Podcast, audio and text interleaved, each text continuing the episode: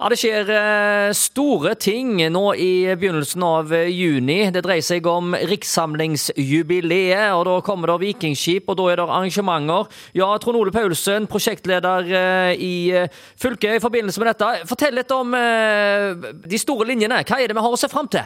Ja, Nå eh, begynner vi å glede oss. Eh, vi har å se fram til at vi får besøk av en hel flåte med vikingskip igjen for første gang på ja, mange mange, mange hundre år i eh, Karmsundet. De kommer til Indre kai i Haugesund den 9. juni om kvelden, og der blir det et åpningsarrangement klokka fem. Og så skal de seile i konvoi videre til Avaldsnes og Vikingfestivalen på Vikinggården der dagen morgen etterpå, før strømmen uh, kommer imot oss. Um, så det er vel klokka ni om morgenen den tiende de seiler der. Så blir skipene liggende på Vikingfestivalen og er en del av den.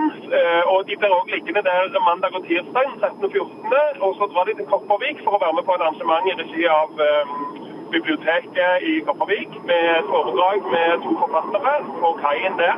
Så de setter kursen mot Utstein, der de skal være, og så ender de opp i Hafrsfjord. Og eh, langs der de seiler, så blir det da ulike arrangementer det går an å være med på. F.eks. så vil det på Haugesund bibliotek eh, ja, vi har ikke hele programmet og alle detaljer helt i hodet, men er det ikke mandag den 13.? Jo, det er mandag den 13. klokka syv så er det et arrangement på Haugesund bibliotek der vi, eh, som har kalt spørretime om vikingtid. Der vi setter fire eksperter på scenen, og så kan publikum komme og spørre om alt de lurer på om vikingtid og denne perioden i historien vår der landet vårt blir til. Ja, Det vil jo være naturlig sikkert å snakke litt om eh, vikingskipene og eh, historien rundt eh, dem. Jeg går ut ifra at det kan bli eh, sentralt, for her er det jo så mye flotte vikingskip som eh, kommer. Og det er jo ganske fantastisk hva en har greid å lage av kopier. Det ser jo helt ekte ut, dette her. Ja da, de vil se helt ekte ut. Noen av de er jo såkalte replikker. Altså de er gjenbygd på samme måte som vikingskipene ble bygd, med øks og, eh, og eh, den tids redskaper. Altså uten bruk av sag, som man jo ikke hadde på den eh, tiden. Der man kløyver alle stokkene og, og former de med, med, øks. Så det er jo, noen av de er jo virkelig og vitner om nøyaktig hvordan disse skipene ble bygd.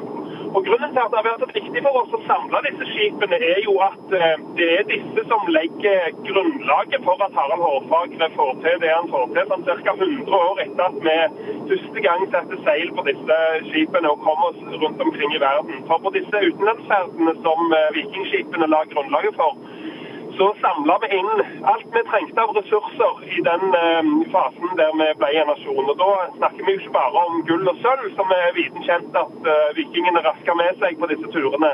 Men vi lærte jo en hel masse òg på, på, disse reisene våre, og tok med oss hjem kunnskap om både politikk og religion og, og utstyr og, eh, og, teknikker for jordbruk og you name it. Så det, Norge blir på sett og vis til i en, en voldsom eh, internasjonal kulturutveksling, kan du si, 100 år før, eh, før Harald Hårfagre.